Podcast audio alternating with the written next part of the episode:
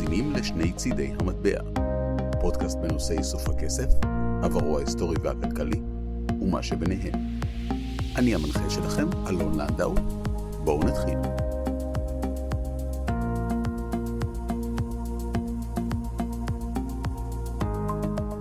היי, תשמעו, זה פשוט מדהים לכמה סיפורים מוזרים והזויים אני נחשף ככל שאני מעמיק בכל התחום הזה של איסוף מטבעות ושטרות לאורך השנים. ובסיפור הזה, של המטבע הזה ספציפי, במטבע הזה נתקלתי לפני מספר שנים. וידעתי, ידעתי שאני חייב לספר לכם את הסיפור. כי זה באמת אחד המוזרים. אז המטבע הזה הוא מטבע סיני, מטבע משנת 1928. ומה שמיוחד בו זה שיש עליו איור של מכונית. איור של מכונית פשוטה, מכונית ישנה, כמו אלו של אה, רכבי מודל פורד ישנים, ומה שמעניין כאן, שזה המטבע הראשון בעולם שאי פעם הציג איור של מכונית. עכשיו, היינו חושבים שדווקא אולי בארצות הברית יהיה מטבע כזה שיופק. בכל זאת, כל תעשיית הרכב של תחילת המאה הקודמת, או אפילו בגרמניה שבה הומצאה המכונית הראשונה בסוף המאה ה-19, אבל לא, המטבע הזה הוטבע דווקא בסין. וזה הרבה לפני שהם היו מעצמה טכנולוגית, כן? זאת אומרת, אנחנו מדברים על סין של 1928. זה אזורים שלמים שמתנהלים בעגלות ובריקשות, כל מיני אמצעי תחבורה מאוד מאוד מיושנים. בטח שלאנשים לא היה כסף לרכוש מכוניות. אז מה הקשר סין? למה דווקא שם הוטבע המטבע הזה? ובכלל, מסתבר שיש כאן סיפור ממש ממש מעניין ומרתק על כל מה שהוביל לייצור המטבע הזה, מי עיצב אותו, השליטה הקיסרית והקומוניסטית בסין של אותם השנים, שליטת המחוזות, הסודות שחוו עם המטבע הזה, וכמובן השאלה, למה בכלל יש איור של מכונית על המטבע? אז עם כל ההקדמה הארוכה הזו, תישארו איתי לסיפור מרתק שלוקח אותנו הרחק למזרח הרחוק, לסין של תחילת המאה ה-20.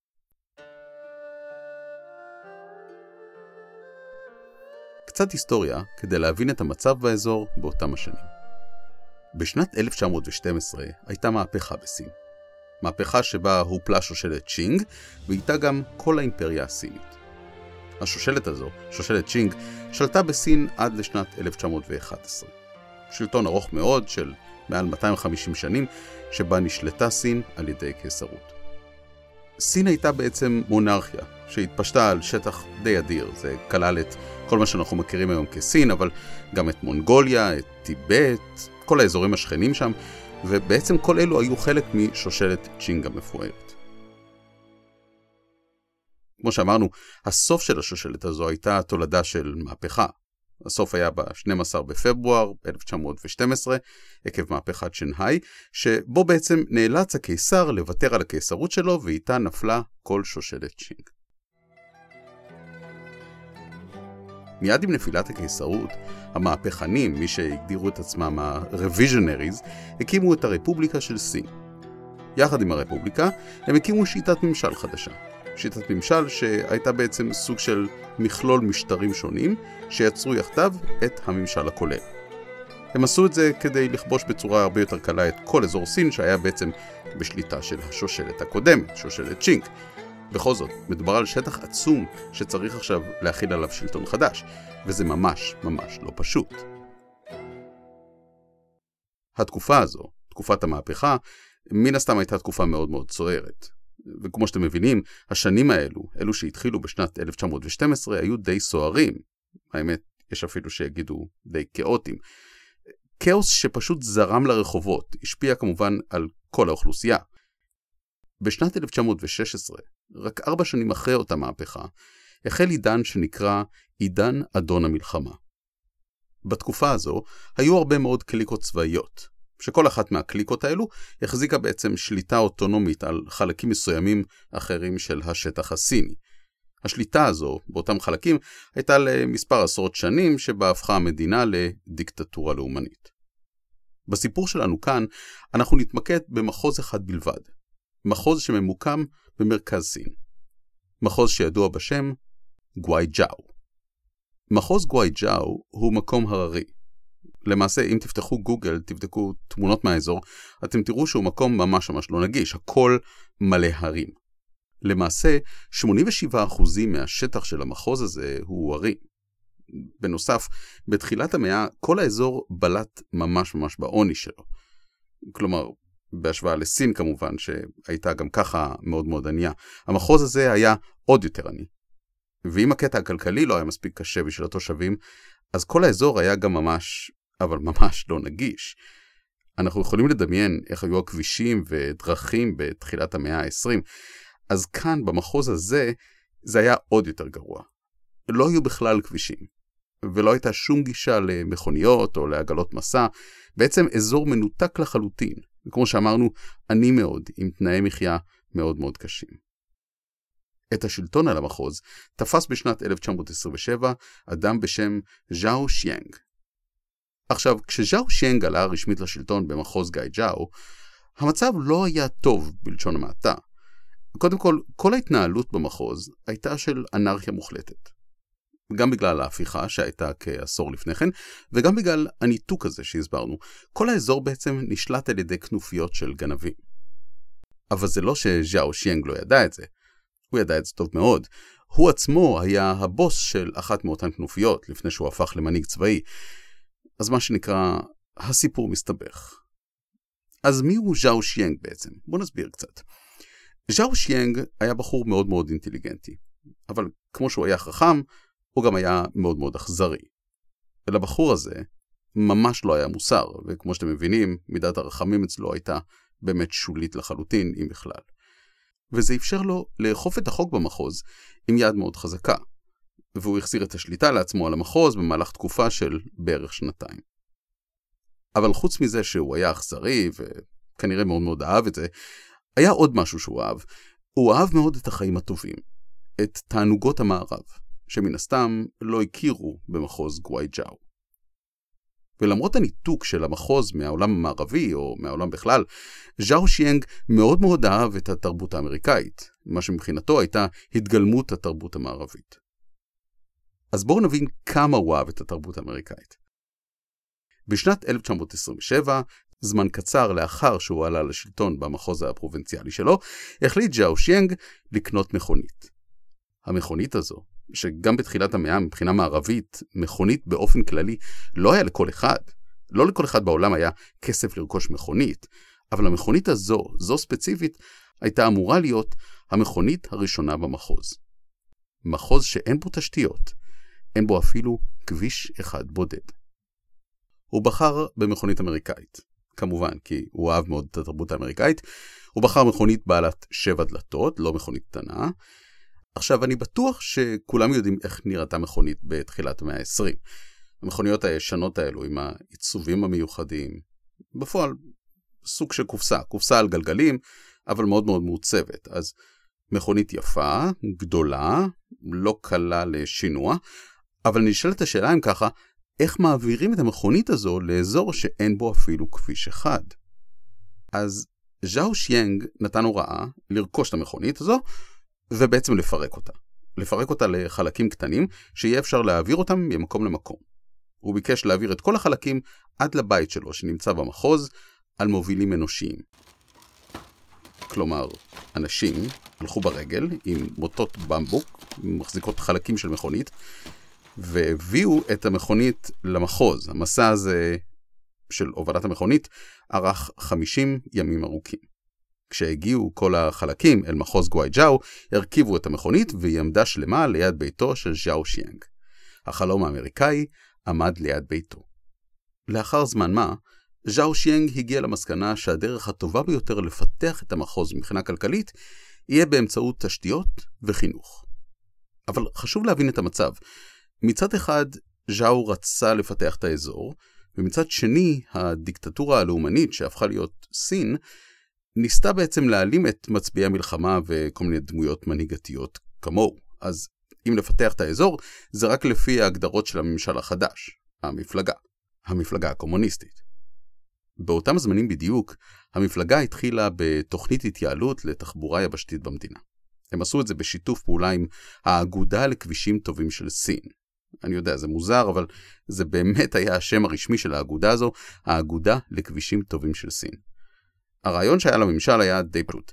הם יסללו כבישים וכל מיני תשתיות שיאפשרו לנסוע בהם לכל מחוז בסין. זה יעזור להעברת מזון ולהקטין את העוני באותם מחוזות נידחים. בסך הכל די הגיוני. אז בשנים האלו, עם העידוד של האגודה לכבישים טובים של סין, ז'או שיאנג התחיל לבנות פרויקטים של תשתיות במחוז שלו. הפרויקט הראשון, שהושקע בו המון כסף, היה בניית הכביש הראשון במחוז. מבחינת ז'או שיאנג, זה בדיוק מה שהוא רצה. המחוז שלו יעבור מודרניזציה, ראשי המפלגה ישמחו, כי הפרויקט תואם את המטרות שלהם, וז'או יקבל יוקרה אישית, הוא יעשה היסטוריה, והכי חשוב, יהיה לו סוף סוף כביש כדי לנסוע במכונית החדשה שלו. אז חוץ ממודרניזציה, ז'או שיאנג בעצם בונה לעצמו מגרש משחקים נוצץ, בדמות כביש למכונית שלו. המכונית היחידה במחוז, אני מזכיר. ז'או החליט להביא מהנדס לפרויקט. מן הסתם, עם האהדה שלו לתרבות האמריקאית, הוא גייס לתפקיד מהנדס אמריקאי בשם אוליבר ג'וליאן טוד. למהנדס טוד היה כבר רקע בעבודה בסין. הוא היה חבר בוועדה הבינלאומית לסיוע למניעת רעב בסין, וגם היה מקורב מאוד לנציגים באגודה לכבישים טובים של סין, והוא בעצם הגיע עם רקע בפיקוח על בנייה קודמת. מבחינת ז'או הוא היה האדם הנכון לתפקיד. יש תיעוד היסטורי לקבלת הפנים שקיבל טוד כשהגיע למחוז.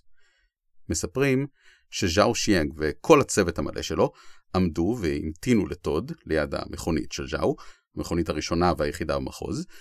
ז'או הופיע במדים לבנים עם חרב מעוטרת זהב.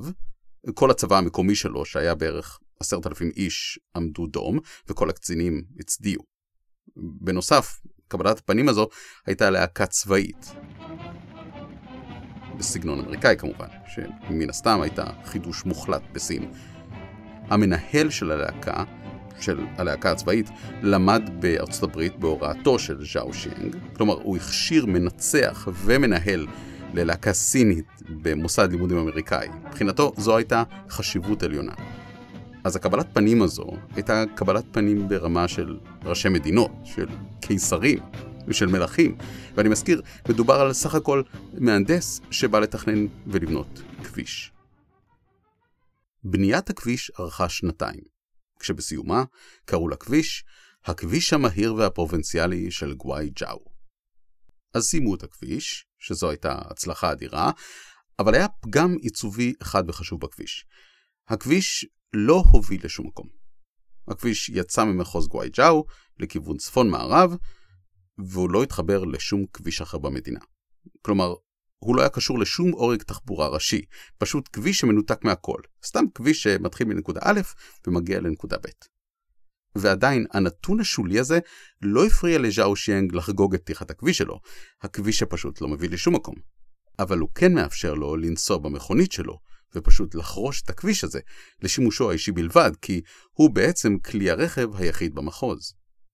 הסיפור הזה, שדי הזוי, והייתי אומר אפילו קצת בשוק שהוא אמיתי, קשור לנושא שלנו כי ז'או שיאנג, כוכב הסיפור שלנו, כחלק מחגיגות הכביש החדש, החליט להטביע מטבע הנצחה.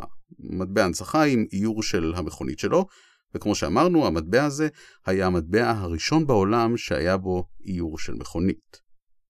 בסין של אותם השנים, באופן מסורתי נהגו להטביע מטבעות שכללו מוטיבים של שושלת קיסרות, או דברים פטריוטיים כמו סימנים ייחודיים, דרקונים מיתולוגיים, כל דברים שקשורים לתרבות הסינית. כל מחוז היה נוהג ליצור את המטבעות הייחודיים שלו, אבל הגודל והמידות היו סטנדרטיים לכל סין. זה מאוד מאוד דומה למה שקורה היום במטבעות יורו. כל מדינה מייצרת מטבע יורו שונה, אבל כולם מחויבים לאותם סטנדרטים. הגודל, המשקל, חזית הערך, כולם חייבים להיות זהים. אבל עדיין לכל מדינה יש את היורו שלה. היורו הספציפי והייחודי של כל מדינה.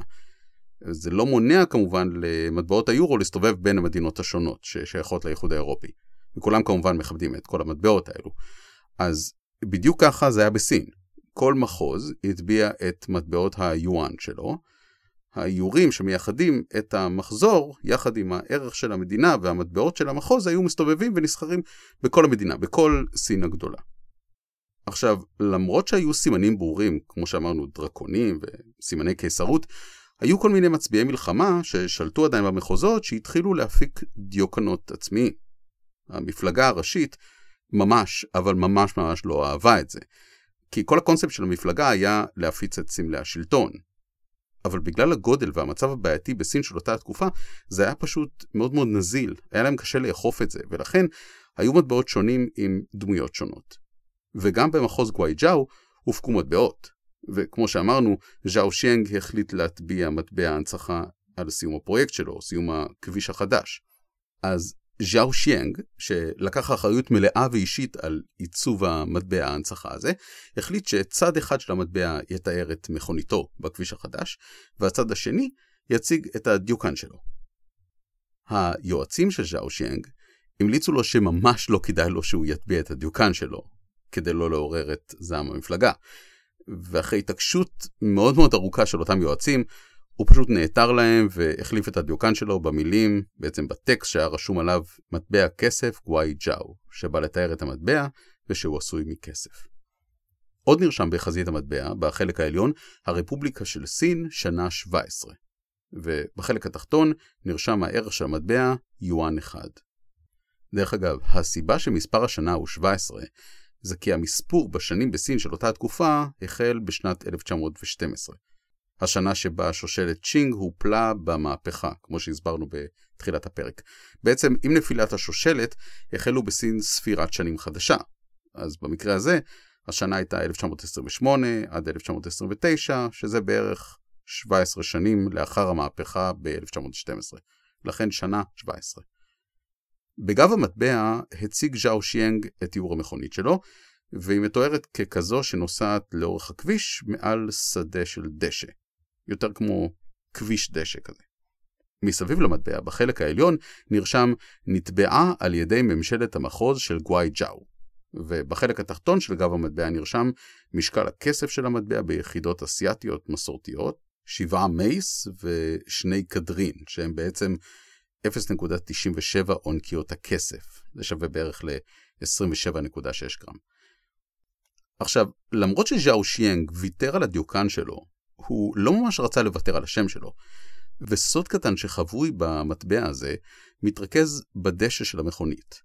אותו הדשא סלאש כביש שהמכונית נוסעת עליו, אם מסתכלים טוב טוב על הדשא, ניתן להבחין בפרט חשוב. השם של ז'או, כי האגו שלו פשוט היה חזק ממנו. אז אם מסובבים את המטבע ב-90 מעלות, ככה שרואים את המכונית כאילו היא נוסעת למעלה במקום שמאלה, ניתן לראות שהדשא שעליו היא נוסעת הוא בעצם תוויות סיניות מוכרות, אותיות, ומה שרשום בהם זה השם הפרטי של ז'או שיאנג. ז'או. זו הייתה הדרך שלו להשאיר את שמו במקום הדיוקן על המטבע. כמות המטבעות שהוטבעו, של מטבע איור המכונית, היו 648 אלף מטבעות. אבל אחד הדברים המוזרים במטבע הזה, זה שאף אחד לא באמת יודע איפה הופק המטבע. כלומר, באיזו מטבעה יצרו את המטבעות הללו. בעצם עד היום אין תיעוד מפורט על כך, אבל יש מספר השערות. ההשערה הראשונה טוענת שההטבעה בוצעה מחוץ למחוז גווייג'או. בעצם עשו סוג של outsourcing למטבעה.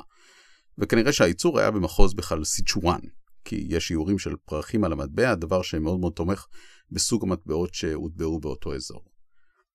ההשערה השנייה והשלישית תואמות את המקום, ששתיהן טוענות שהייצור כן היה בבירה של מחוז גווייג'או, ושמערכת המטבעה הייתה חלק ממסע המודרניזציה שיצרו במחוז, שז'או שיינג הורה בעצם לבנות מטבעה בתוך הנשקייה של העיר, הוא רכש מכונות ייחודיות והכל ייצור מטבעות, אבל ההבדל בין ההשערה השנייה לשלישית הייתה על בסיס האופן לרכישת המכונות למטבעה.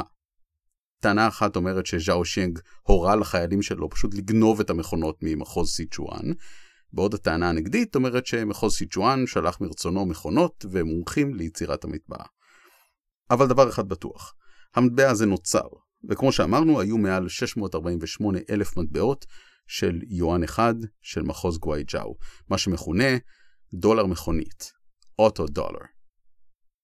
היום סין היא מדינה שמאוד מאמינה באמונות טפלות.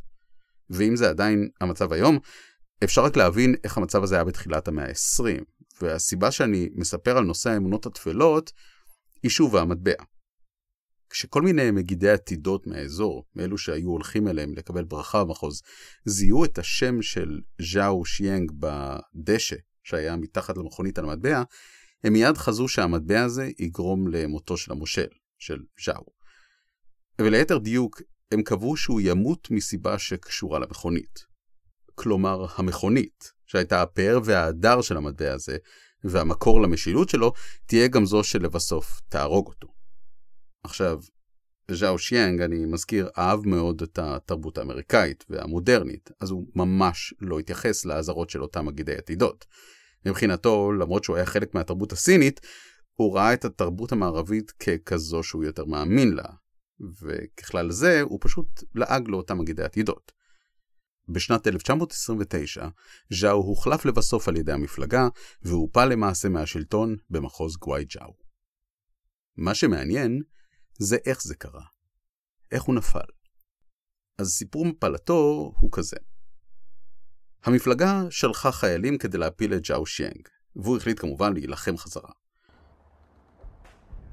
במאי של שנת 1929 היה קרב בין חייליו של ז'או שיאנג לחיילי המפלגה, וז'או עצמו פיקד על הקרב הזה מתוך המכונית שלו, ולצערו, זו הייתה הפעם האחרונה שהוא נסע בה. אני רוצה שתדמיינו את זה. אנחנו מדברים על תחילת המאה ה-20. לחימה איטית, חיל רגלים, נשקים, תותחים, כידונים, חרבות, ופתאום, מכונית. הזוי ככל שזה נשמע, ההיסטוריונים מספרים שבאמצע הקרב, ז'או האיץ את המכונית שלו, בעצם לא יודעים אם זה היה בכוונה או לא, אבל מה שקרה זה שהוא השאיר את כל החיילים שלו מאחור, ובעצם עמד לבד בקרב בתוך המכונית כראש מוביל בהתקפה. עכשיו, השטח שהיה בו הקרב לא כל כך התאים לרכבים, והמכונית פשוט נתקעה בתוך סוג של ביצה. חיילי האויב הקיפו את המכונית, ובעצם מנעו ממנו לצאת ממנה, והיא פשוט צללה לביצה, וז'או שיאנג טבע איתה. יש עוד גרסה, שהיא בעצם סוג של אגדה, אבל היא מעניינת לא פחות. הגרסה מספרת שז'או שיאנג נסע לאורך הכביש עם החיילים שלו, הוא נפרד מהם בשלב מסוים, ונרצח על ידי חיילי האויב. את הגופה שלו השאירו על הדשא ליד המכונית שלו, כרגע פואטי על כך שהוא רשם את השם שלו על הדשא במטבע. אבל כמו שאמרנו, זו ספציפית אגדה בלבד, ואכן ההיסטוריונים מאמתים שהוא נהרג בקרב בתוך המכונית. וזה מוכיח שמגידי העתידות צדקו, מותו היה באמת בנסיבות הקשורות למכונית. דולר המכונית, האוטו דולר, היואן האחד הזה של מחוז גווייג'או היה להיט אצל אספני מטבעות גם בקרב אספנים בתחום הרכבים. כי כמו שאמרנו, זה היה המטבע הראשון בעולם עם איור של מכונית. הביקוש למטבע הזה הביא לכך שכבר בשנת 1933 המטבע הפך למאוד מאוד מבוקש, ואפילו די נדיר. מטבע שכזה היום, במצב אפילו די סביר, שווה בסביבות 5,000 דולר. והוא יכול להגיע עד לכ-100 אלף דולר באיכות גבוהה. ויותר מזה, כשבוחנים מטבעות לאורך ההיסטוריה, מבינים שאיור של מכונית לא היה על אף מטבע בעולם בעצם עד שנת 1983, שנה שבה האי מן, מה שנקרא Isle of Man, שהיא תחת חסותה של הכתר הבריטי, הוציאה מטבע של 50 פני עם איור של מכונית. עד אותה עת, זה היה המטבע היחיד עם מכונית, וככזה, הוא בהחלט היה מיוחד מאוד. המטבע נכנס לדפי ההיסטוריה, ואיתו ז'או שיאנג, המושל הסיני שאהב את מכוניתו עד מוות. תודה שהאזנתם לעוד פרק של שני צידי המטבע. את הצילומים של מטבע המכונית, תמונות של ז'או שיאנג, של מחוז גואי ג'או, ועוד צילומים מהתקופה בסין ניתן למצוא בדף הפייסבוק שלנו. שם תוכלו להשאיר לי הודעה, הערה או רעיונות לנושאים נוספים. אני מזכיר גם שיש לנו ערוץ יוטיוב שניתן להאזין פה לכל הפרקים. לסיכום, אני מזמין אתכם להצטרף אליי שוב לעוד פרקים בתחום הנומיסמטיקה, היסטוריה וכלכלה. להתראות.